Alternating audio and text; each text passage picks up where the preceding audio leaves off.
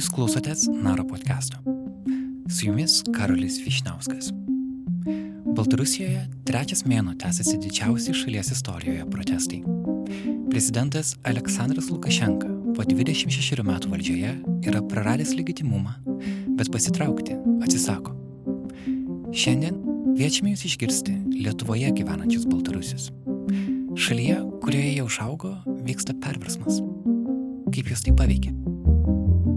Pasakojimą parengė Indrė Kiršaitė.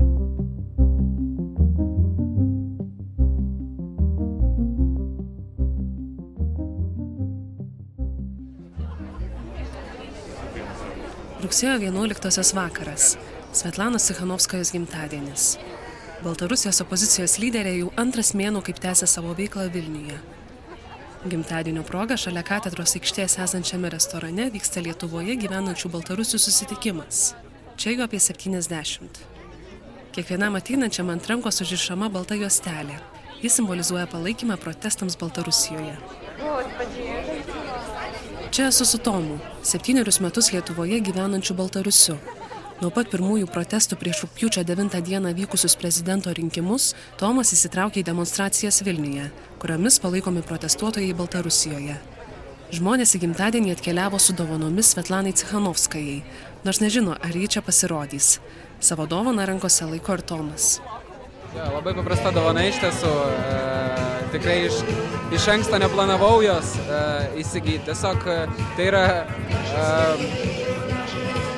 kaip bus pliušavai?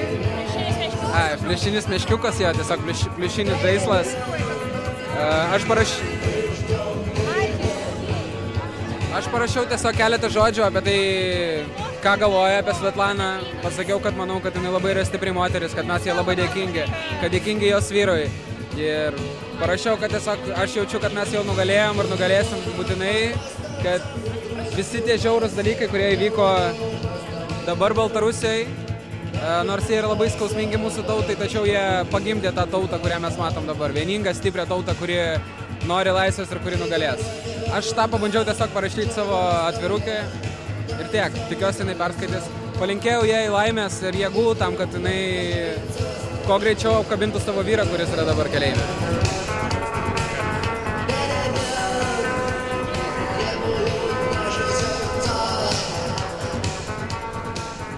Restorane skamba baltarusiškos dainos. Į sceną ateina renginio vedėjai. Всем привет, ребята! Привет, привет! Извиняемся, небольшие были накладки с аппаратурой, но вы за как-то уже решили. Tiesiog vedėjas, organizatorius šito renginio viską pristatė, padėkojo visiems, kas susirinko ir pasakė, kad uh, už kurio laiko tiesiog visų laukia staigmena. Nelabai aišku, apie kokią staigmeną jisai kalba.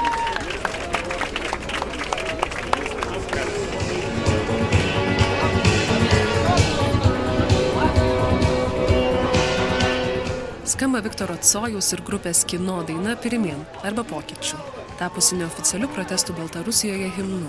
Prieš pat prezidento rinkimus Minske vyko Aleksandro Lukašenkos režimui lojalių valdžios pareigūnų šventė, kurioje du didžiai, Vladislavas Sokolovskis ir Kirilas Galanovas, užgrojo šią dainą. Ji buvo iškart nutraukta, o didžiai areštuoti. Dabar jiems suteiktas prieglopsis Lietuvoje, Vieną iš didžėjų, Владислава Соколовский, sutikau šiame renginyje. Я лично сталкивался с отношением к себе подобным. Вот. Когда, ну, как-то в Беларуси у нас работала все время система, что пока, пока тобой не заинтересовались, у тебя все хорошо. А если заинтересовались, то, то уже надо быть настороже. Вот, как-то так.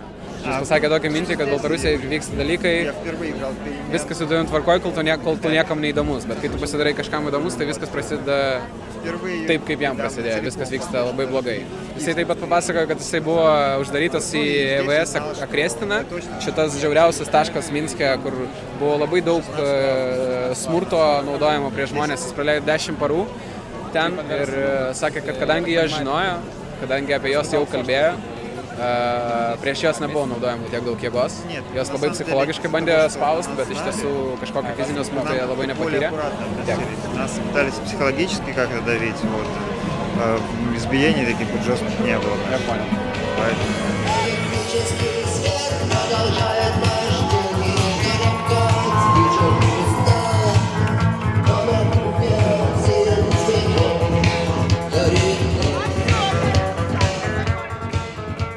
Pirimien restorane skamba nebereikalo. Staigmena, kurios laukia čia susirinkusiai, atskleista. Į restoraną atvyksta Svetlana Cichanovskaja.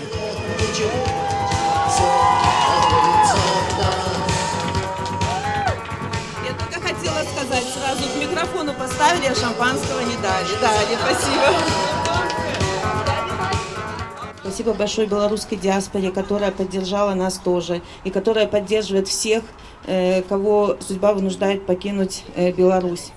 Для нас Savo очень и kalboje очень важна Cichanovskaja поддержка dėkoja здесь, Baltarusijos и diasporai для Lietuvoje už тех, palaikymą. кто остался в Беларуси, Jis sako, kad тоже būdama поддержка čia очень jaučiasi большая. galinti Была padaryti уверена, daugiau что nei я likusi Minske. могу, э, Taip pat jis sako посвободиться, jaučianti, kad šiuo скажем, metu я могу Baltarusių сделать tauta yra гораздо kaip больше, niekad чем vieninga. если бы я Baltarusiai būtinai осталась laimės в šitą Минске, kovą, и sako ji. наверняка Tik я reikia была tuo бы уже tikėti. где-то- Живее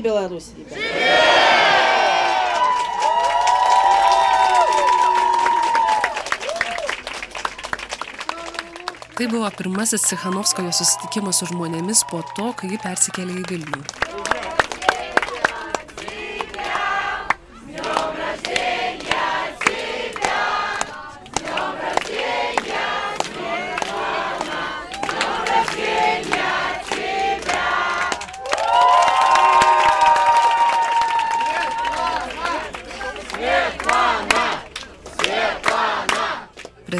Rinkimuose Baltarusijos valdžios skelbtais duomenimis už ją balsavo 10 procentų rinkėjų, o už Lukašenką 80. Bet nei į gatves šimtais tūkstančių išėję Baltarusiai, nei tarptautinė bendruomenė šiais skaičiais netiki. Daugelis būtent Cichanovskaja laiko tikrąją rinkimų laimėtoją. Pasikalbėjau su restorane buvusiais Baltarusiais, ką jiems reiškia susitikimas su Cichanovskaja. Mano vardas Denisas Kučinskas, aš čia gyvenu 8 metai dabar. Aš IT biznes konsultantas, bet irgi esu vienas iš Gudijos, iš, iš diasporos. Man, man labai patiko, čia labai a, svarbus dalykas, kad Svetlana yra čia su, su žmonėms. A, mes Vilniečiams, Baltarusiams labai uh, laukiam šitą dalyką ir uh, čia nuostabu, iš tikrųjų nuostabu. Меня зовут Виталий, я здесь в Вильнюсе уже третий год. Я здесь закончил учебу недавно. E, Jis pasakė, kad jo vardas Vitalijus ir jisai baigė neseniai studijas čia, jis tris metus gyvena jau Vilniuje ir jaučia, kad Vilnius jam tapo antrais namais, kad labai čia saugiai jaučiasi ir jaučia kultūrų tarpusavio ryšį. Культуры и, не знаю, мне, мне очень свободно здесь и кажется, что Informacinių technologijų srityje dirbantis Vitalijus į Lietuvą persikėlė iš Gomelio. Svetlanos Cichanovskojos atvykimas jį labai nustebino. Во-первых, для меня было очень неожиданно ее здесь увидеть. Я не представлял, что она придет. И тоже для меня это был большой сюрприз. И я первый раз ее видел. E, Visų pirma, pasakė, kad tai labai buvo didelis Я много раз e, смотрел её интервью. atsitikti, jo staigmena didelė, todėl kad jisai tikrai nelaukė jas čia pamatyti. Ir kad patyrė labai stiprias emocijas būtent dėl to ir e, kad tai motivuoja, kad tai duoda jėgų, kad tai duoda tikėjimo, kad viskas, viskas eina ten, kur turėtų eiti. Как бы стремиться бороться, стремиться к лучшему, да. Renginyje sutikau Viktoriją, kuri dirba klientų aptarnavimo srityje. Kartu su vyru jį gyvena tiek Lietuvoje, tiek Baltarusijoje. Per rinkimus jie buvo Minske ir dalyvavo protestuose. Mes turim penkis vaikus, trys Lietuvoje, du Baltarusijoje. Ir mes tik pag- pagalvojam apie tai, kad mes turim kažkaip tai išvažiuoti ir neturim leisti, kad mūsų uždarytų. Ir visą laimę, kad mes iš ten išvažiavam.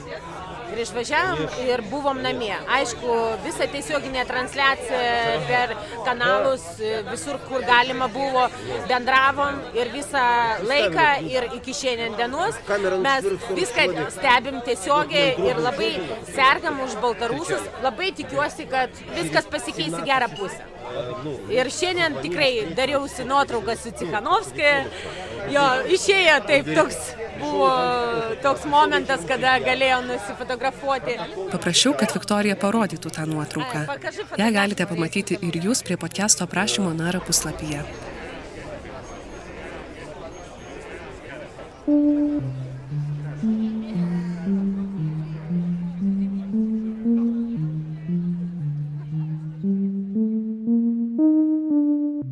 Statistikos departamento duomenimis imigracija iš Baltarusijos į Lietuvą stipriai išaugo. Pernai į Lietuvą atvyko daugiau nei 6,5 tūkstančio baltarusių. Tai 13 kartų daugiau nei prieš penkerius metus, kada jų atvyko apie 500. Tačiau šie žmonės Lietuvoje retai girdimi. Apie Baltarusijoje vykstančius procesus dažniau girdime iš lietuvių, o ne pačių baltarusių. Nuo nepriklausomybės atkūrimo Lietuva palaiko Baltarusijos demokratinius siekius. Vienas to pavyzdžių - Europos humanitarinis universitetas. 2004 metais dėl Baltarusijos valdžios daromų kliučių jis buvo priverstas nutraukti savo veiklą Minske. Vilnius suteikė jam naujus namus. Nemažai daliai jaunų baltarusių šis universitetas tapo langų į demokratinį pasaulį. Su dviem iš jų susitikome studijoje Norėjome išgirsti jų atvykimo į Lietuvą istorijas ir suprasti, ką reiškia palaikyti savo šalį, joje nebūnant. Pirmajam interviu pakviečiau pasikalbėti Tomą, kurį pasakojime girdėjote jau anksčiau.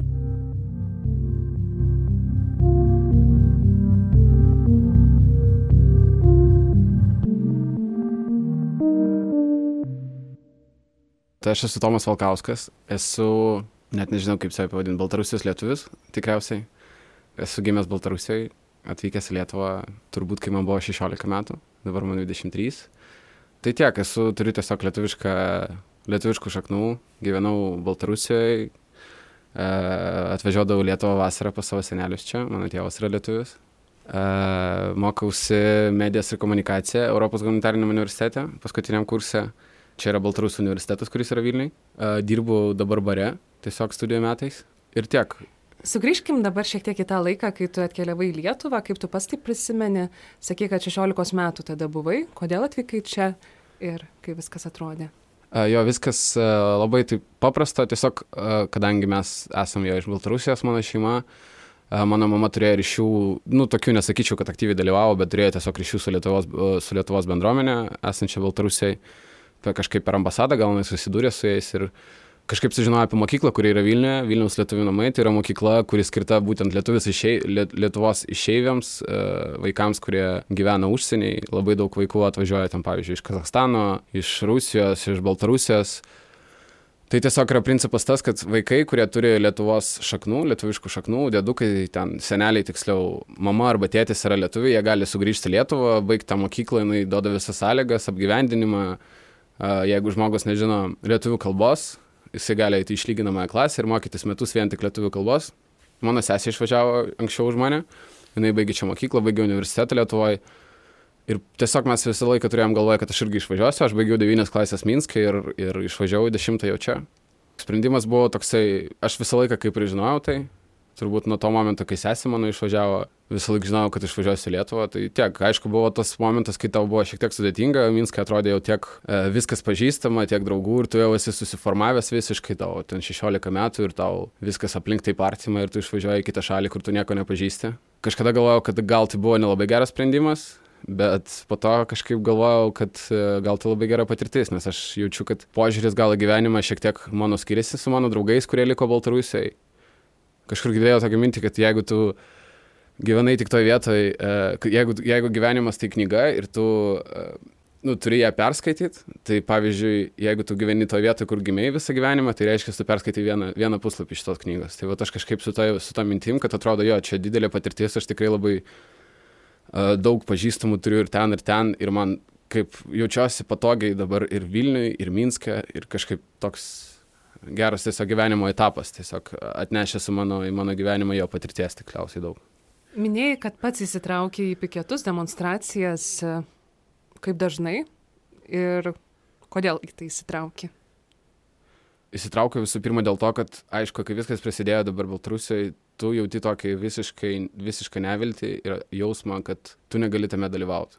Kad tau labai sudėtinga dabar organizuoti savo kelionę į Minską, pavyzdžiui, nu, vat asmeniškai man, kadangi tai yra tiesiog sunku, pavyzdžiui, jeigu tau išvažiuoju dabar iš Lietuvos, tai kadangi aš čia dirbu, e, man reikėtų, aš nežinau, kokias tris savaitės iškristi visiškai iš, iš to savo ritmo, e, nes, e, nu, jeigu, pavyzdžiui, pabūt namie dvi savaitę ir po to atvažiuoti į Lietuvą, dvi savaitės karantinuotis ir panašiai. Ir tu visą laiką jauti tokį, nu, sakau, neviltį, atrodo, kad tu niekaip tame nedalyvauji. Ir tada turbūt visi, kas čia gyvena Baltarusijoje, labai labai norėjo kažkaip susitikt, parodyti savo poziciją. Vis, viskas, aišku, prasidėjo nuo pačių rinkimų dienos. Rūpiučio 9 labai daug žmonių buvo prie Baltarusijos ambasados. Tada kažkaip mes susipažinom daugiau turbūt su visais. Ir po to prasidėjo tiesiog kasdieniai piketai.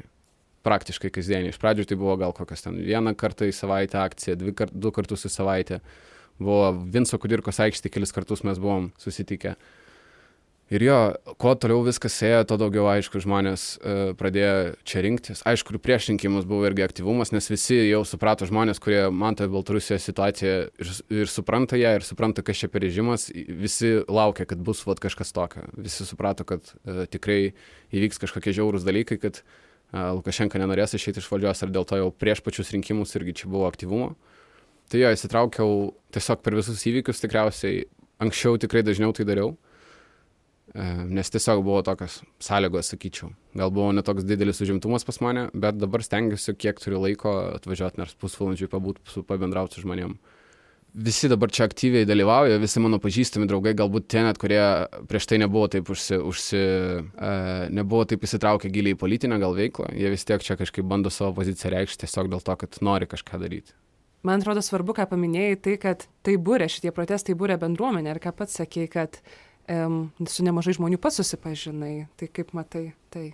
Žinai, aš labai galvojau apie tokį įdomų momentą, kad kai vat, viskas prasidėjo, kai buvo 9, 10, 11 diena, ten vat, tie patys žiauriausi dalykai, kur tu ten, ta prasme, aš žinau, vat, visas mano aplinkinių ratas, mes ten eidavom mėgoti iki 7, iki 6 ryto tiesiog, nes, nu, tu visą laiką nuolat stebi naujienas ir tau atrodo, nu, tai kosmosas visiškas, tu, ta prasme, aš negalėjau tam savaitę apie nieką negalvoti, daugiau tik apie tai, kas vyksta.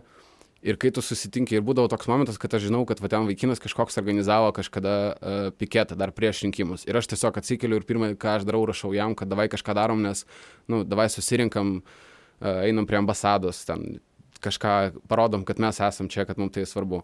Ir va taip viskas prasidėdavo ir po to labai gerai organizatorius sakė per, per patį piketą, kad uh, kai tu susitinki su žmonėm čia, kai jūs visi esat kažkokioj depresijoj būtent dėl to, kad visi labai esat susimastę, susi, nu, ta prasme, negalit normaliai funkcionuoti, nes jūs suprantat, kad jūsų namuose vyksta labai baisus dalykai, kad jūsų šeima ten gyvena ir panašiai. Jums labai svarbu turėti žmonių, kurie taip pat jaučiasi, kad jūs galėtumėte tiesiog tokią terapiją pasidaryti bendrą. Nu, ta prasme, tu susitinki, tu supranti, kad žmonės irgi čia gyvena, kad jie tokioje pačioje situacijoje esate, tai tave papildo kažkokia energija, kad tu galėtum tiesiog funkcionuoti toliau ir, ir, ir jaustis tvarkoj dėl viso, kas vyksta, ta prasme, priimtos tos e, visus įvykius ir su jais kažkaip susidorot viduje.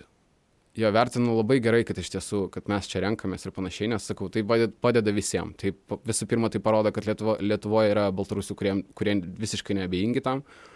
Tai parodo Lietuvos visuomeniai, kad baltarusių tokių yra, e, nes e, labai pastebima, kai tu stovi prie ambasados, jūsų daug žmonių su vėliavom, uh, ir matai, kad pravažiuojančios mašinos visi signalina, nu, ta prasme, jo pypsina ir palaiko, tai atrodo, kad tai irgi labai svarbu, kad tai daroma ir tam, kad Lietuvos visuomenė pamatytų, kad mes, mūsų čia daug, gal kažkada tie žmonės, kurie pravažiuoja su mašina prie ambasados, kitą dieną ateis irgi palaikyti Baltarusių. Kokį matai vaidmenį Lietuvos Baltarusių visose šiuose procesuose ir įvykiuose ir kaip manai, ką galima pasiekti nebūnant Baltarusijoje, būnant kitoje šalyje, šiuo atveju Lietuvoje? Iš tiesų, man tai atrodo asmeniškai, kad labai daug, mažai ką galima pasiekti. Jeigu tiesas, nu, sakant, bet e, vis tiek tai nors kažkokį duoda, kažkokią viltį galbūt, gal tai pritraukia dėmesį, kaip ir sakiau, Lietuvos visuomenės, tai pritraukia tikrai dėmesį politikų nu, esančių Lietuvoje. Man šiaip labai malonu, kad Lietuva paėmė tokią lyderystės vaidmenį būtent uh, krizės reguliavimo aspekte sakyčiau kad lietuva tikrai labai aiškią poziciją išsako apie visa tai kad pavyzdžiui įvyko baltijos kel nu ne baltijos laisvės le laisvės kelias. Čia apie kurį labai daug kas kalbėjo akcija kuri ten prasinešė per kiek trisdešim valstybių pasaulyje tai tok tokios akcijos solidarumo jos yra aišku labai svarbios. Tiesiog kaip baltarusas e, nu sakyčiau esantis čia man tai aišku atrodo kad mes darom mažai kad nu kad tai mažai ką pakeis nes aš suprantu kad pakeist gali tik žmonių aktyvumas gatvėse Minske. Žmonių aktyvumas gamyklose, kurie dirba, kurie streikuoja ir panašiai. Bet iš kitos pusės, aš tikrai manau, kad labai svarbu, nes galima, žinai, dalyvauti palaikime įvairiais būdais. Visų pirma, iš savo pusės aš tikrai visus savo draugus, kurie čia esą, kadangi Jėzus žino, kad aš iš Baltarusijos, kad aš jaučiu šiokį, nu, patriotizmą savo šalį gal. Uh, jie labai aktyviai įsitraukia į tai, jie labai daug dalinasi socialinėse medijose apie visus įvykius, bando kažkaip savo, savo pažįstamų žmonės nuteikti tai, papasakot visas istorijas ir panašiai. Yra daug visokių iniciatyvų atsirandančių būtent šitų protesto eigoje, ten mitingų būtent čia, kurie vyksta Vilniuje. Pavyzdžiui, aš turiu pažįstamą draugę iš mano universiteto, kurie jau baigė, jinai pati, žodžiu, daro auskarus tokius, jinai susiuvo tiesiog jų daug ir jinai parašė, kad Vat aš darau tokius papuošalus gėlės formai ir jūs gali, juos galite nusipirkti ir visi pinigai, kuriuos mes surinksim, mes paukosim į fondus, kurie jau yra įkurti.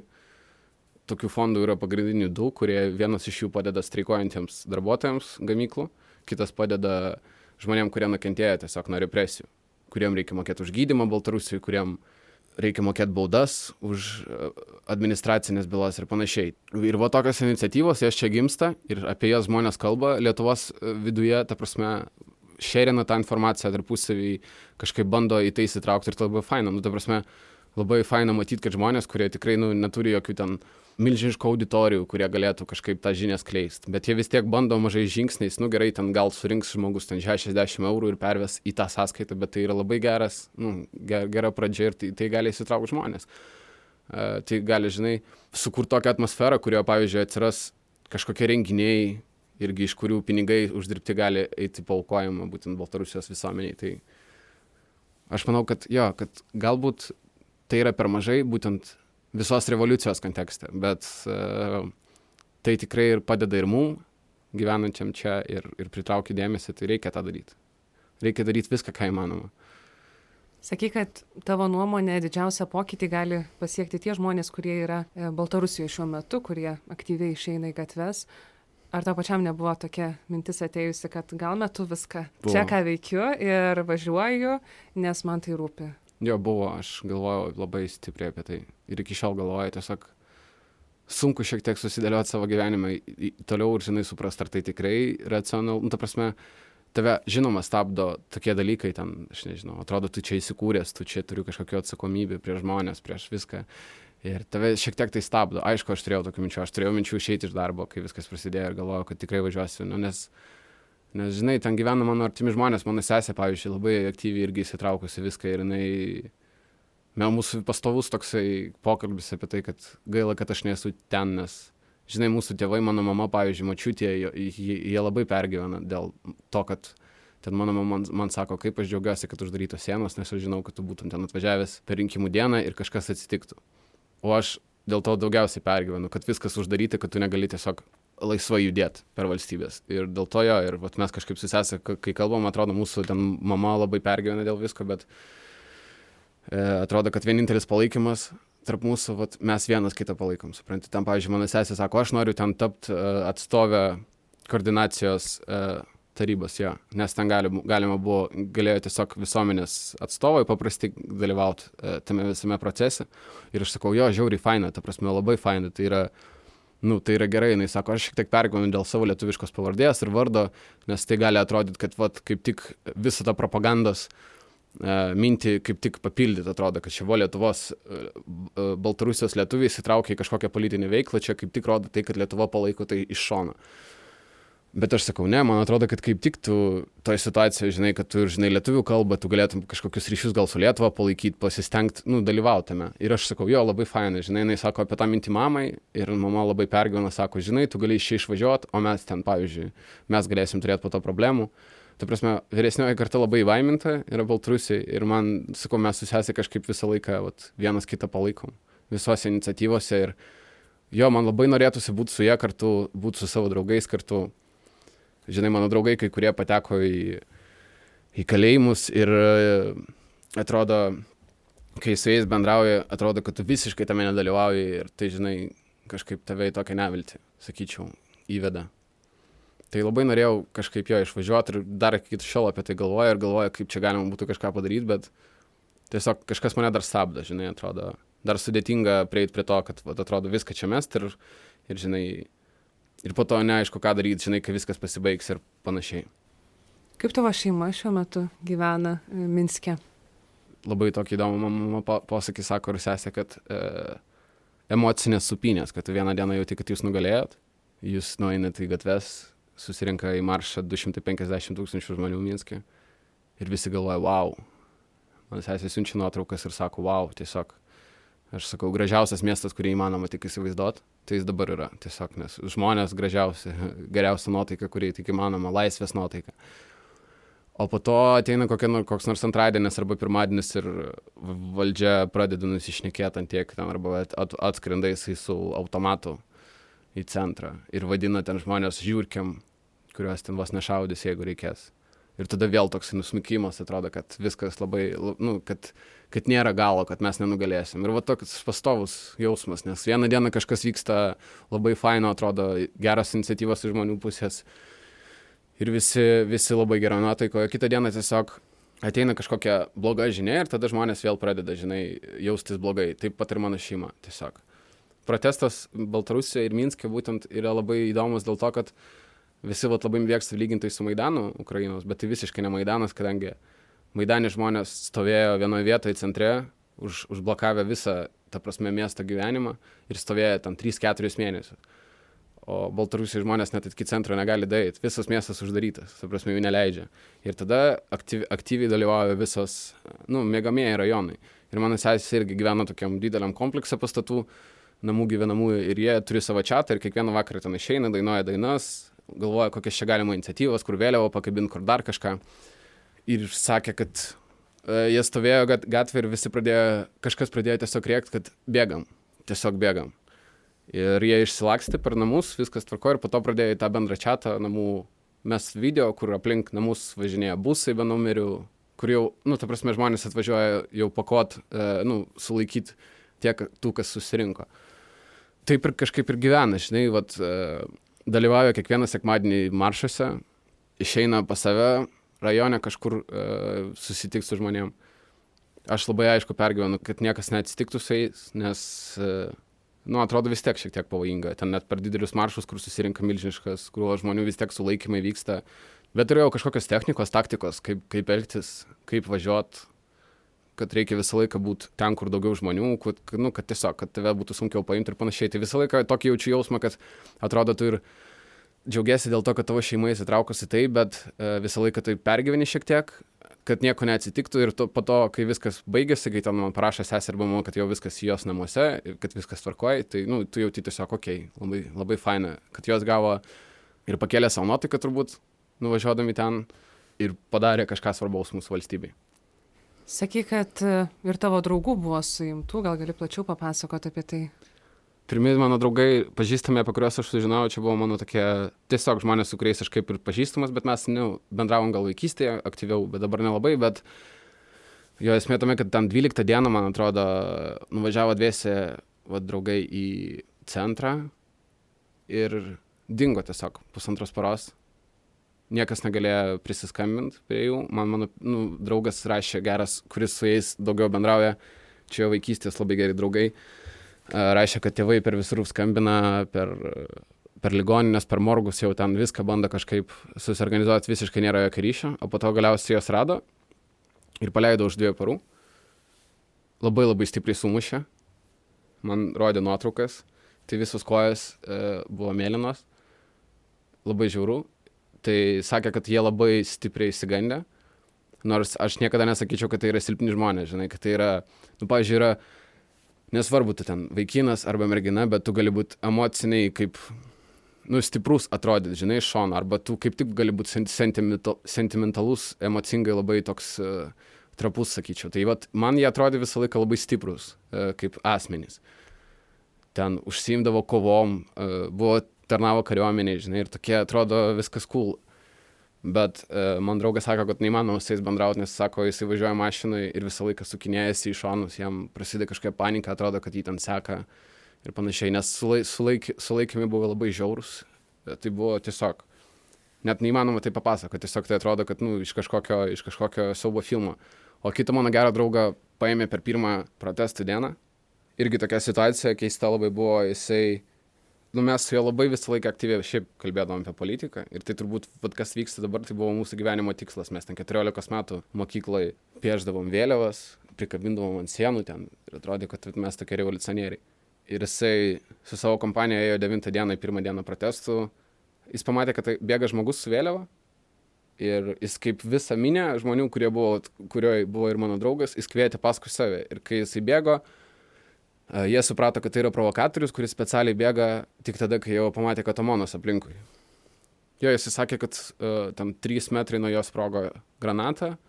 Uh, lietuviškai, nu, tos granatos, kurios buvo sprogdinamas per protestus. Vieta Šumava, jinai vadinasi. Garsinės. Jo, jo, garsinės. granatos, Jo, aha. garsinės. Ir jisai sako, kad jinai sprogo prie pat jo, jisai šiek tiek pametė savo koordinaciją, pradėjo bėgti, e, pamatė, kad dvi mergaitės nukrito, kad viena mergina nukrito, paskui ją nukrito dar viena, jis pabandė jas nu, pakelt, padėjo joms ir viskas, ir jau suprato, kad jį paguldė tiesiog galvą į žemę. Ir, nu, sako, net nesu, nespėjau suprasti, kaip viskas vyko. Bet sakė, kad labai labai žiauriai jis jau galvoja, kad va, tai jau atrodo, kad mirtis tipo ateina, nes, nu, sakė, kad jis iš ten, atrodė, kad jis tikrai iš ten neišlys. Nu, tiesiog nes jisai ten, pavyzdžiui, jam rašo, už ką jį paėmė. Ir jis bando kažką klausti, jį ten pradeda iš karto baladot. Baladoja visur, ta prasme, jį vežė į autozakę, žiauriai mušė, po to visus mušė. E, Po to vežė Krestiną, tai yra pagrindinis toks taškas. Minskė žiauriausia vieta turbūt visoje Baltarusijoje, kur žmonės buvo laikomi ten be maisto. Tai va, tai jisai sakė, kad jos atvežė, pradė, pradėjo rašyti, už ką jos užėmė, tipo, buvo, čia kaip teismas vyko viduj. Jis bandė kažką su jais aiškintis, jį ten mušė, po to sakė, sako, kai išvedinė, išvedinėjo iš, e, iš to kabineto, ta prasme vedė kaip kalinius, visiškai nuleidė galvas į apačią, rankas į viršų, užlaužė. Ir sako, kad jis eina ir mato, kad, žinai, yra toks samtis, į kurį visą laiką, nu, krauna, pavyzdžiui, tu, kai šluosta, ne, ir samti tiesiog uh, šiukšlės sukrauni namuose. Ir va, tai sako, toks pats samtis stovi ten, kreime, ir ten visas samtis pilnas dantų žmonių. Ir ta prasme, jisai galvoja, kad tai jau viskas, ta prasme, kad jis tikrai neišgyvens. Jisai ėjo į ten, jie buvo kameroje, kur ten apie, nežinau, kamera sakė šešiem ar aštuoniem žmonėm, bet jų buvo ten 40 beveik. Sakė, kad tiek kondensato buvo viduj, nuo kvepavimo visiškai nebuvo ko kvepot. Sakė, kad pusvalandis praeidavo ir visas sienos šlapios. Maisto nebuvo visiškai jokio, jis pirmą, pirmą kartą pavalgė po trijų parų, pavalgė donos gabaliuką, kai išvežė jau į kitą miestą. Yra žodina toksai punktus, kur vežė visus iš Minsko ir ten jau buvo daug ramiau, ten sakė, ten jau kaip rojus buvo, nes ten jau ir milicija buvo labai šokiruota to, dėl to, kas vyksta, jie visiškai nesuprato, kas čia darosi, nes tai, kas buvo Krestina, tai čia buvo jau tos pajėgos naudojamos, e, kurios visą gyvenimą buvo tam paruoštas. Čia jau tie, kaip mes sakom, vaikai, 18-mečiai, 19-mečiai, kurie atvažiavo, surinko iš kaimų, da- davė jiem gyvenimą, labai gerai mokėjo, jie tikrai buvo privartoję narkotikų, čia šimtas procentų, nes e, apie tai kalbėjo ir daktarai po to kurie, nes Amonas irgi patekdavo pas daktarus su įvairiom traumom ir rasdavo ten metamfetamino kraujį ir panašiai, tam, kad jie būtų agresyvesni. Tai sakė, tiesiog, kai pateko jau žodiną, tai buvo tiesiog rojus, ten milicija jau buvo normali, sakė, kad milicija su, su tauta, kad jie patys labai šokiruoti, šiek tiek jau geriau elgėsi. Po to vėl sugrįžo Krestina, iš kurios paleido. Tai jo, jis po savaitės išėjo. Dar sakė tokį įdomų faktą, aš visiškai buvau šokė. Sako, klausė, kiek tau metų? Mano draugai sako, 24. Jis sako, čia tau už 20 metus. 20 metais irgi vyko protestai. Bet jie buvo daug, nu, mažesni. Ir jisai sako, aš jį klausau ir galvoju, seniai, tu tikrai taip, ta prasme, man buvo 14 metų, kokie 20 metų. Ta prasme, jam tiek praplauta galva propaganda, kad jie galvoja, kad čia, kad žmonės čia, vat, iš revoliucijos į revoliuciją tiesiog keliauja, vat, jam buvo 14, jis jau buvo ten uh, aikštėse, daužė ten pastatus ir degino molotovo kokteilius ir panašiai. Nu, žodžiu. Tai jo, jo mergaitė labai dalyvavo, įsitraukė intensyviai visą savo narystės reikalą, jinai, ne, jinai mėgojo ten prie to kalėjimo, kur jisai buvo, nes su juo nebuvo kokias penkias dienas visiškai jokio ryšio, net negalėjo suprasti, kur jisai. Jo, tai jo mergina labai ten aktyviai dalyvavo viskame, kažkaip bandė komunikuoti su jo mama, su jo draugais. Ir jo, ir tada sakė, kad jis išėjo, atv atvyko namo ir jo mama buvo tiesiog šokė, mama ten savaitę negalėjo gyventi normaliai, nu visi, ta prasme, jo artimieji negalėjo kažkaip tai priimti, atrodė, kad jis jau gal ten miręs, nežinau. Po to aš su juo kalbėjau, jis šiek tiek, jis taip net su kažkokia ironija visą tai žiūri, kažkaip jis tokį turi gynybos mechanizmą labai tokį, kuris jam padeda, žinai, tai vis, visą tai vertinti, nes jis kažkaip nesigrūzina per, to, per daug, dėl to jisai kažkaip labai normaliai tai priima. Aišku, daug e, ten gydytis jam reikėjo, labai daug visokių tyrimų, jis man rodė savo diagnozės, ten lapą, tai ten, nežinau, šešias eilutės, ten smegenų sukritimai, ten to, visokie tokie dalykai, kur labai viskas baisu, bet uh, jo sakė, kad tvarkoje gydosi, kad dalyvauja visokiose iniciatyvose, kur, va, pavyzdžiui, fondai, kurie renka pinigus, kurie gali kompensuoti, pavyzdžiui, gydimą ir panašiai. E, sakė tik tais, kad šiek tiek jam, nu, daugiau neturi tokio didelio noro jau taip rizikuoti, bando niekur nelyst. Ir net sako, šiek tiek džiaugiasi, kad jį paėmė 9 dieną, nes 10-11 turėjo tiek daug planų, jam atrodė, kad viskas čia revoliucija bus, kad mes ten kovosim vos ne. Tai kažkaip pastatė į, į, į vietą jo galvą ir jisai kažkaip uh, tiesiog jautėsi, jautėsi net iš vienos pusės gerai, kad, kad jį paėmė iš karto, kad jisai negalėjo ten pats save labai tokią, į tokią būsiną įvest, kad vas jis nori ten kariauti labai žiauriai. Bet viso režimo ir toks tikslas įbauginti. Jo, tai būtent jie, žinai, bandė tokią schemą paimti, taktiką, kurią visą laiką naudoja, tiesiog dabar ne tas laikas. Žinai, kai yra, kai, pavyzdžiui, tokia taktika labai veiksminga, kai tikrai maž, mažas būrys žmonių prieš, kai ten 10 procentų visuomenės, mąstančios visuomenės, kai jie supranta, kad čia kažkas vyksta. Bet kai didžioji dauguma, tai visas kiekvienas žingsnis, nu, tik pablogina situaciją. Jie pagalvoja, kad jie visus išgazdins, kad, ta prasme, kad net galvot žmonės nustoto apie tai, kad vat, kažką galima daryti. Žinai, nes čia yra 2020 metų rinkimai, Baltarusiams yra kaip, nežinau, Amerikos kariams Vietnamas, žinai, tokie dalykai. Tai yra didelės traumos lygs dar ilgam. Ir aišku, tiems žmonėms, kurie dalyvavo, kurie pateko į visas tas koncentracijos stovyklas baltarusiškas, sakyčiau, nu, aišku, čia tiesiog toksai palyginimas. Aišku, jie nelabai norės jau eiti dar gatves, bet ten pateko ten 10 tūkstančių žmonių, o nepatenkintų žmonių 80 procentų gyvenančių Baltarusijos visuomeniai. Tai žinai, tai tikrai nu, nepasibaigs tiesiog dėl to, kad žmonės išgazdino. Tai jau neveiksminga taktika. Yra internetas, yra Jie nu, išjungia dviem dienom internetą ir galvoja, kad niekas apie nieką nesužinos. Bet sužinoja viską. Tai prasme, žmonės pasakoja, kaip matė, kad, kad kai kurios tiesiog uždėdavo maišus ant jų, jau mirusių žmonės, kurie matė savo akim, kad tiesiog žmonės negyvi ir juos išveža kažkur. Ten virš 90 žmonių Baltarusija yra dingusi be žinios, tai žinai, irgi tokie dalykai, kuriuos labai dabar lengva atsekti ir viską, nu, žmonės tik niekada to nepamirš. Ta prasme, tai nu, ne, nesustos jau. Aišku, vidutį nori tikėti, kad tai pasibaigs ir greitai pasibaigs, bet man atrodo, kad ne, tai ilgas procesas, kad mes dar tik pradėjom visą tai. Ir tikiuosi tiesiog, kad, kad mes sulauksim geros pabaigos mūsų valstybei.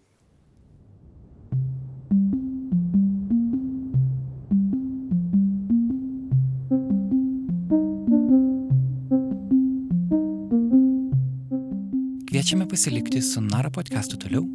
Jūsų laukia dar vienas interviu su Lietuvoje gyvenančia Baltarusė. Bet prieš tai noriu padėkoti mūsų klausytojams, kurie palaiko mūsų žurnalistiką per Patreon platformą. Nuo praėjusio epizodo prie klausytojų bendruomenės prisijungė Dagnė Vilčiūnaitė, Gedrius Rimkus, Vygantas Tutlis, Javaru, Indrė Kleinė, Gabija Raslanaitė, Vladas Dininis, Paulas, Elena Limelytė, Gaila Karpavičianė, Jukė Pul. Viktorija Aprimaitė, Jeva Bogušaitė, Šarūnas Savickas, Liučina Makijalo, Augustas Vaitkevičius, Mantas Mikutskas, Nora M, Vidmantas Čiapkauskas, Orijus, Stefkin Jokštytė, Reda Aleliūnaitė, Emilija Taletaitė, Martinas ir Julija. O savo per mėnesį skiriamas sumas padidino Odeta Tum, Ustėja Dudaitė Landsberginė ir Justė Jonatytė. Ačiū Jums visiems. patreon.com pasvirasis brūkšnys nara lt, kaip vienas žodis. Tokiu adresu kviečiame prisijungti ir palaikyti mūsų darbą. Ir taip, išgirdote teisingai, mes turime naują vardą - Nara ir dėl to Patreon adresas irgi yra naujas. Dar kartą patreon.com/naralt. O dabar grįžtame į studiją.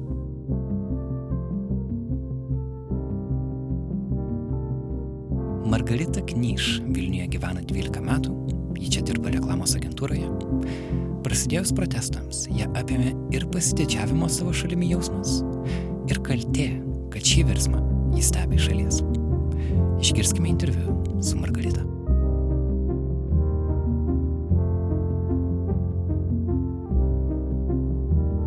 Visada sakau, kad aš sugalvojau atvaryti Lietuvą iš lempos visiškai, nes aš nieko nežinojau apie Lietuvą prieš tai, absoliučiai nieko.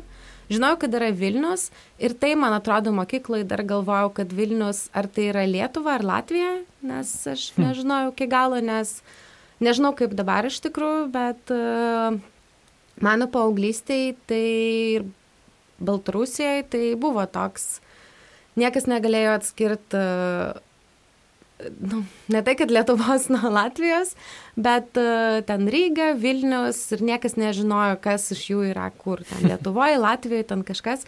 Ir man iki tam tikro momento tai irgi tas buvo. Ne, ne, nėra taip, kad aš nežinojau ir aš būčiau ten tokia jau, kad nesidomėjau. Žinojau, bet nu vis tiek tu, tu nesidomi per daug ir nesigilini, tau 15 metų, ten 16.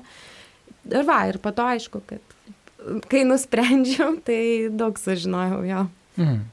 Ir kai dabar tu matai įvykius Baltarusijoje, kas šiuo metu vyksta po prezidento rinkimų, kiek tau tai yra artima? Nes viena vertus tu 12 metų gyveni Lietuvoje, tu jau jautiesi labiau, kad esi čia negu esi ten, bet galbūt tau kaip užaugusiai Baltarusija, kaip galų gale kaip žmogui, kurio pase yra Baltarusijos pilietybė, tai reiškia šitą. Man įdomu, ką, ką, ką tai reiškia. Aš pastoviai, kai galvoju apie tą situaciją, aš ir kai aš pradėjau kalbėti apie tai su savo draugais ir ten savo Instagram'e ar ten Facebook'e, aš labai ilgai galvojau, ar aš iš vis noriu apie tai kalbėti su žmonėm, ne dėl to, kad aš nenoriu, kad jie žinotų, kad aš esu iš Baltarusijos, nes visi mano draugai tai puikiai žino, aš to neslipiu, žmonės, su kuriais aš dirbu ir tai ne tik mano bendradarbiai, bet ir mano klientai, dauguma iš jų turbūt žino, kad aš esu iš Baltarusijos. Ir aš tikrai neturiu su to problemų. Gal net tai yra mano pasiteisinimas, jeigu aš ten netaisyklingai kalbu lietuviškai ar dar kažkas, aš visada galvoju, kad aš turiu tą pasiteisinimą, kad aš esu užsienietė. Bet, kaip tu ir sakei, pragyvenus emigracijoje, sakykime, 12 metų, aš galvojau, ar aš vis turiu teisę apie tai kalbėti, nes e, aš negyvenu toj situacijoje dabar. Taip, ten visa mano šeima ten gyvena ir aš e, žinau viskas, viską, kas ten vyksta, bet e, kartais galvoju, kad tai yra ne mano revoliucija. Nežinau, ar tai gal per taip per gražiai ar, ar atvirkščiai tam per blogai skamba, bet, nu, tikrai turėjau ir turiu tokių abejonių, ant kiek tai iš vis yra mano reikalas ir ant kiek aš noriu gilintis ir ten vos nekišti savo nosį į Baltarusijos reikalus. Uh, nors uh, gerai pagalvojus, tai yra šiaip viso pasaulio revoliucija, nes tai yra žmogaus teisų pažeidimas. Uh, bet e, aš ten, aš nežinau, ką jaučia žmonės, ką jaučia mano draugai. Aš žinau, aš su jais kalbu ir aš va, vakar kalbėjau ten su, su mama. Aš tai žinau, bet aš nejaučiu to ant tiek turbūt. Nors kai viskas ten prasidėjo Baltarusijoje, tai nemegojau savaitę, praktiškai nemegojau savaitę, ten megojau po 3 valandas, nes protestai ten baigėsi, tarkim, ketvirtą ryto. Uh, reiškia ir aš einu miegot ketvirtą ryto. Bet vis tiek ten ryte atsikeliu ir toliau einu į darbą ir taip toliau. Vienu momentu labai labai įsijaučiau į tą visą situaciją ir to, į, į protestus, į viską, kas ten vyksta dabar. dabar. Dabar gal aš jau mažiau skaitau taip visą parą, nes aš išjungiau pranešimus nes tiesiog man vienu momentu jau buvo biškai per daug ir tai irgi aš kartais um, nenoriu gal savo draugams tai sakyti ar tiesiog blogai jaučiuosi dėl to, nes atrodo, kad man turi ant tiek tai būtų svarbu, kaip Baltarusiai, kad aš turiu pastoviai ten, kad aš turiu vos ne dabar tenai važiuoti, kažką bandyti daryti, bet aš to nedarau. Tai, nu, bet aš pastoviai atmėtausi tarp uh, visų va šitų tokių minčių, kad jo reikia daryti, reikia apie tai kalbėti, reikia kažką ten, kažką reikia domėtis. Ir tarp to, kad e, aš turiu savo gyvenimą ir gal man nereikia ten dabar kištis mm. į tą. Ar dėl to tu jauti kažkokį, hmm, gal net kalties jausmą, kad e, tarsi štai tu saugiai, patogiai gyveni Vilniui, kai tuo tarpu tavo artimi žmonės gali būti sumušti, gali pradingti, daug kas gali atsitikti. Tikrai taip, tas kalties jausmas ir yra viena iš priežasčių, kodėl aš galvojau, gal man nereikia apie tai iš vis kalbėti, tiesiog, nu, pasilikti šitą visą, e, nežinau, informaciją savo ir išgyventi tiesiog vienai. Uh, Nes e, aš galvau, kad aš neturiu teisės apie tai kalbėti ir buvo tas kalties jausmas, kad aš, e, aš turiu galimybę nuvažiuoti į Baltarusiją. Ir dabar ypač ten buvo, buvo su korona, kad nelabai galėjau dėl, e, dėl tų visų karantinų, bet dabar galiu, niekas iš tikrųjų nestabdo manęs, bet aš nevažiuoju. Ir aš vis tiek apie tai kalbu. Aš apie tai kalbu dabar. Aš apie tai kalbu su savo draugais, aš apie tai ten rašau savo socialiniuose tinkluose. Iš esmės aš atsikeliu, aš einu kavos su draugais, aš einu į darbą, aš einu į vakarėlius. Ir aš žinau, kad mano draugai Minskė irgi eina kavos su draugais. Bet uh, kontekstas ten visiškai kitoks. Ir aš čia saugiai jaučiuosi. Ir kaip aš irgi rašiau savo feisbuke po rinkimų parašiau, kad aš e, prabudau laisvoje šaly, bet mano šeima tai ne ir mano draugai Baltarusijai ne. Ką tavo mama galvoja? Ar jie norėtų, kad tu grįžtum ir būtum kartu, ar jie džiaugiasi, kad tu esi saugiai čia? Jinai kaip tik galvoja, kad man nereikia dabar važiuoti, nes aš tiesiog galiu atsidurti ten uh, netoj vietoj netyčia ir niekas toliau nežino, kas bus. Bet aišku, kad jeigu aš važiuočiau, tai aš eičiau ten į, į, į gatves, eičiau protestuoti ir tada, nu, irgi neaišku, ar aš, ar aš galėčiau saugiai ten būti ir grįžti namo, o kadangi neturiu, turiu Baltarusijos pilietybę, tai niekas ten nežiūrės, kur aš gyvenu, ar Lietuvoje, ar Baltarusijai. Tai jo, tai mano mama sakė, kad nevažiuok, viskas čia gerai, mes galim visada susiskambinti. Ir, nu, gal geriau būk čia saugiai, nes nu, jinai irgi pergyvena, jinai pati eina į protestus, tai pati puikiai mato, kokia yra situacija. Ir, nu, kaip savo vaikui, tai linki tik tai geriausio, o mm. geriausias jo manimų dabar yra būti Lietuvoje. Mm. Man. Ir man taip pat įdomu, kaip keitėsi tavo pačios santykis su tuo faktu, kad tu esi Baltarusė. Nes e, tu visą laiką turbūt turi galimybę siekti Lietuvos pilietybės, tai tau palengvintų daug e, grinai biurokratinių dalykų gyvenime, bet e, tai reikštų, kad tu atsisakai dalies savęs, baltarusiškos dalies, kurią tu um, užaugai, nes bent jau pagal, lietuviais, pagal Lietuvos pilietybės įstatymą tu negali turėti dviejų pilietybių. Mhm. Tu turi, jeigu tampi Lietuvos pilietė, tu tau automatiškai atsisakai senos pilietybės. Ir galbūt, kada tu kuriesi gyvenimą čia, studijuoji, dirbi, gal tas faktas, kad tu esi iš Baltarusijos, gal tu niekada daug apie tai ir nemastai. Bet šiuo metu turbūt natūraliai tuos tomis trijų valandų miego naktim, apie kurias kalbėjai prieš tai, turbūt dalis minčių buvo apie tai, o vis dėlto, o ką man reiškia tas faktas, kad aš esu Baltarusija?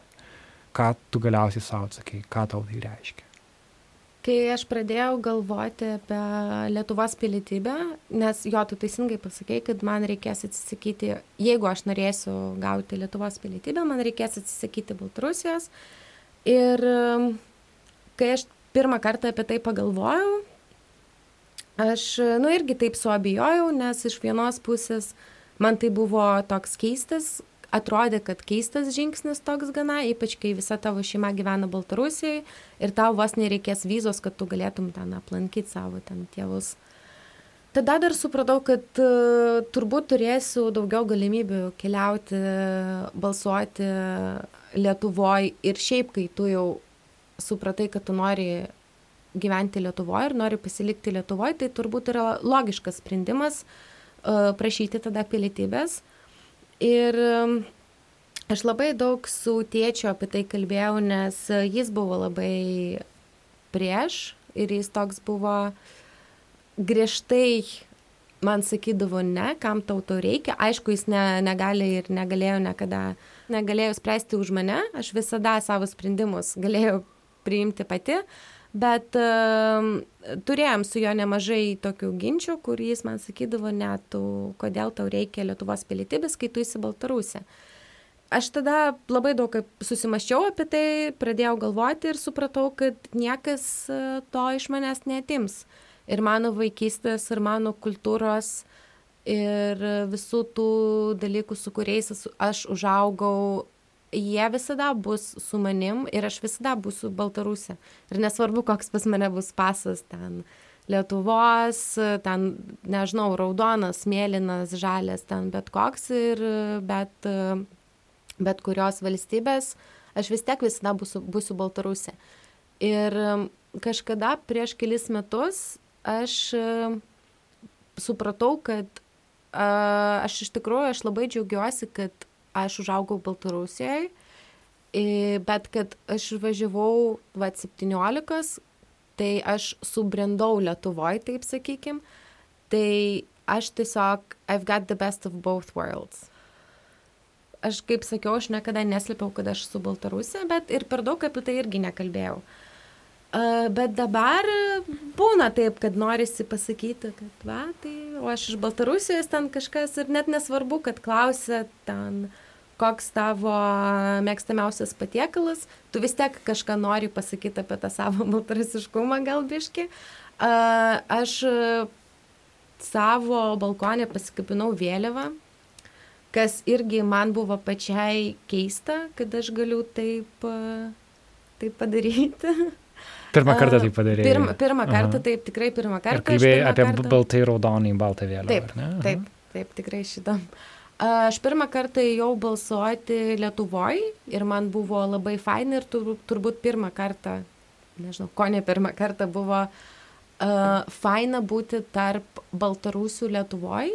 Hmm kai tu nesijauti, kai tu gerai, gerai tikrai jautiesi ten tarp tų žmonių ir kai tu matai, kokie visi laimingi ir kaip visi gerai nusiteikia ir ta, ta vienybė. Um, kai klausiau, tai man sakė, kad 400, oh. bet tada, kai žiūrėjau, kiek prabalsavusių, tai daugiau, bet aš bijau dabar suminuoti. Mm. Bet, bet kai norėjai prabalsuoti, reikėjo eiliai, eiliai stovėti. Jo, aš nesulaukiau, aš nebalsavau. Jo, mano draugas stovėjo 8 valandas, aš stovėjau 6, man atrodo, ir wow. mes nespėjom. Tai buvo tiek žmonių ir e, tai atrodo, kad vos nesąmoningai viską lėtino, kad tik mažiau žmonių prabalsuotų. Taip, tikrai taip, taip ir buvo. Rinkimai buvo, balsavimas vyko iki 8, kokį šeštą mes supratom, kad mes tikrai nespėsim, gal net anksčiau supratom iš tikrųjų. Jūs nes... laukit prie uh, Baltarusijos ambasados Vilniuje. Taip. Aha. Ir po mūsų buvo labai labai daug žmonių ir ten buvo akivaizdu, kad jie nespės ir kad dauguma čia mūsų susirinkusių žmonių nespės. Bet e, tai buvo, nenoriu sakyti, kad tai buvo nesvarbu, nes mums buvo svarbu prabalsuoti, bet uh, mes stovėjom iki galo, nes tai buvo toks kaip ir mini protestas, galima gal taip pasakyti, nes mes žinojom, kad mes nespėsim, bet mes vis tiek stovim, nes mes norim parodyti ambasadai ir kitiems turbūt, ir, ir Baltarusijai irgi gal parodyti, kad e, mes e, norim prabalsuoti, mes čia stovėsim, mes turim teisę tai padaryti, mes ten nesutinkam. Ir tai, jo, tai buvo va, toks, va. Kiek maždaug žmonių stovėjo greta jūsų? Nu, nežinau, porą šimtų, tai Aha. sakyčiau, kad tikrai buvo. Ir ar tarp jų buvo, kurie norėjo balsuoti už Lukašenką? Uh, aš pati nemačiau ir negirdėjau, bet uh, mes paklausėm, paklausėm stebėtojų rinkimų ir uh, jo, ta mergina pasakė, kad tikrai buvo. Ir man labai patiko, kad visi labai ramiai ir gerai sureagavo į, į tai, nes ir kaip ta mergina paaiškino, kad mums svarbu, kad tie žmonės, jie prabalsavo ir tai yra jų nuomonė ir viskas yra gerai su to, kad jie turi savo nuomonę. Mes tai kitokios nuomonės ir norim ten prabalsuoti už kitą žmogų, bet uh, svarbu, žinai, kad mes hmm. turim teisę tai padaryti ir kad mes žinom, kad uh, mūsų išgirs. Lukašenka prezidentu tapo 94-ais. Taip. Uh, vadinasi, kad tu savo visą tokį samoningą gyvenimą tik jį ir matėjai Baltarusijos vadovų. Kad tu buvai mažas vaikas, Lukašenka buvo prezidentas. Uh, tu 12 metų gyveni Vilniui, Lukašenka techniškai vis dar prezidentas. Man įdomu, kaip keitėsi tavo požiūris į jį. Ar buvo laikas, kada tu, kada jau tapai tokia pilietiškai samoningesnė, kad, na, kad priemiai, kad, aha, šis žmogus turi šitą rolę šalyje ir kažkada pradėjai suprasti, kad, hmm, gal iš tikrųjų tai nėra visai tvarkoje, kad kitose šalyse dalykai veikia truputį kitaip. Gali pasakoti iš tokį pilietinio pilietinį susivokimą, kaip jis tau atėjo? Aš nelabai atsimenu, kada aš tai supratau, bet e, neatsimenu, absoliučiai neatsimenu, kad aš galvočiau, kad tai yra normalu ir kad jis yra geras prezidentas.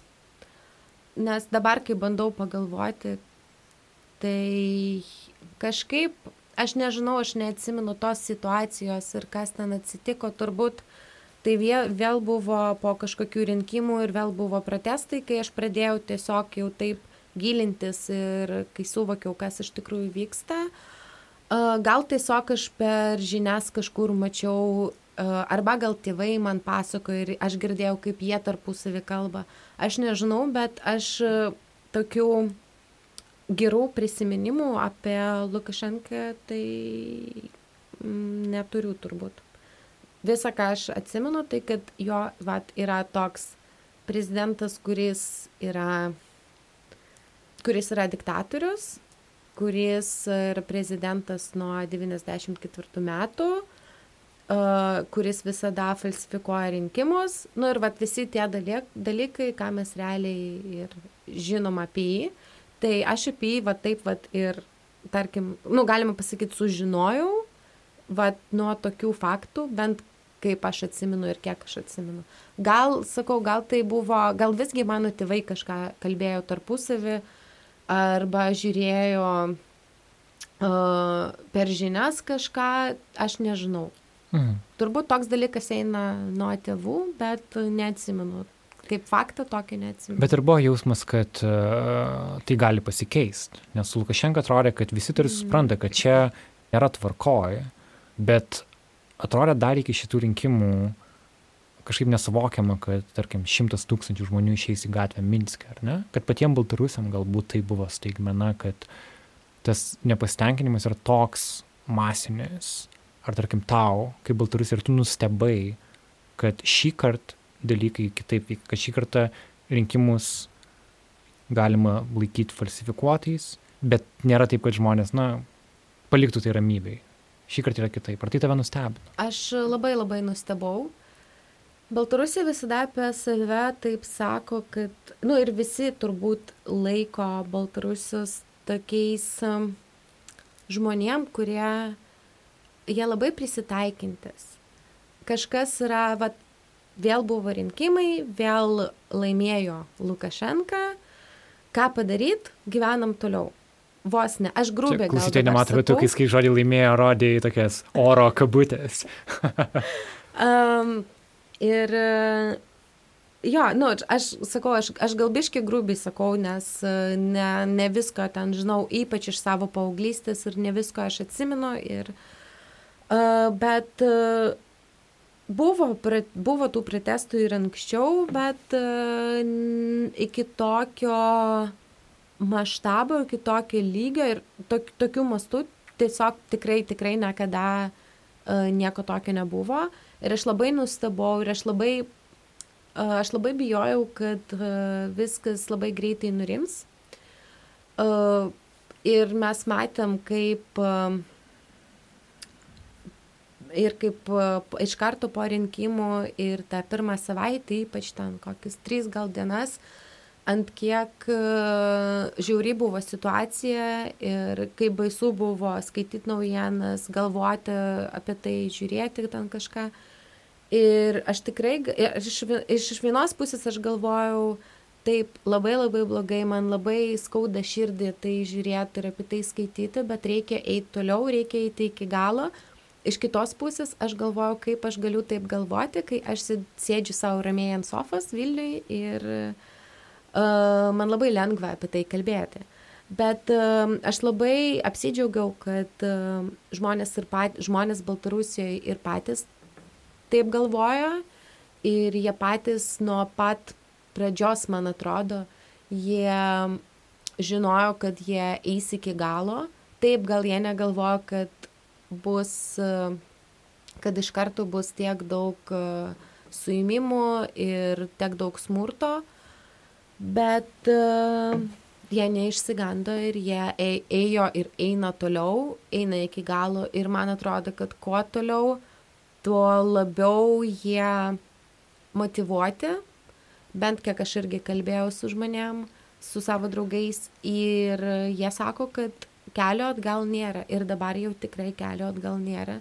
Ir um, jie eis iki, iki galo, iki pergalės, kur aš šiaip galvojau, kad mes laimėjom, jie, lai, jie laimėjo, aš net nesakau, ne visada sakau mes laimėjom, aš sakau jie laimėjo, uh, tik tai reikia dar uh, šiek tiek padirbėti ties uh, Lukašenkos pasišalinimo iš šalies, nežinau net kaip gražiai tai taip tvarkingai pasakyti. Na, nu, jo, aš šiaip iš vienos pusės aš galvoju, kad jie jau laimėjo, liko dar šiek tiek reikia jėgos ir stiprybės iki jau toks tikros pergalės. Mm. Aš bent labai noriu, aš labai noriu taip, taip galvoti ir dabar turbūt aš kaip niekada tikiu, kad, kad viskas bus gerai. Ačiū, Margarita, labai. Ačiū labai.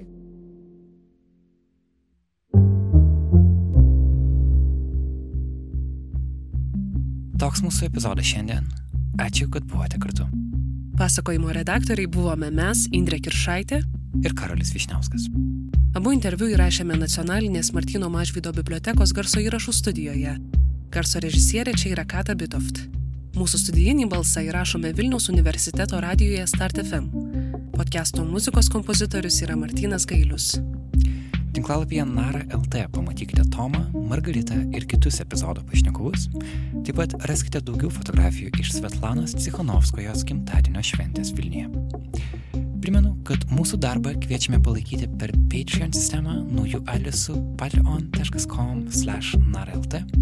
Mūsų 100 dolerių per mėnesį patronai yra Blossom Wood Foundation. Nara nuo šiol ne tik podcastas, bet skirtingų formatų žurnalistikos erdvė. Ten turime daugiau interviu apie Baltarusiją, tarp jų ir Ino Šilinos pokalbį su pačia Svetlana Cichanovskaja ir kitomis pokyčius Baltarusijoje kuriančiomis moterimis.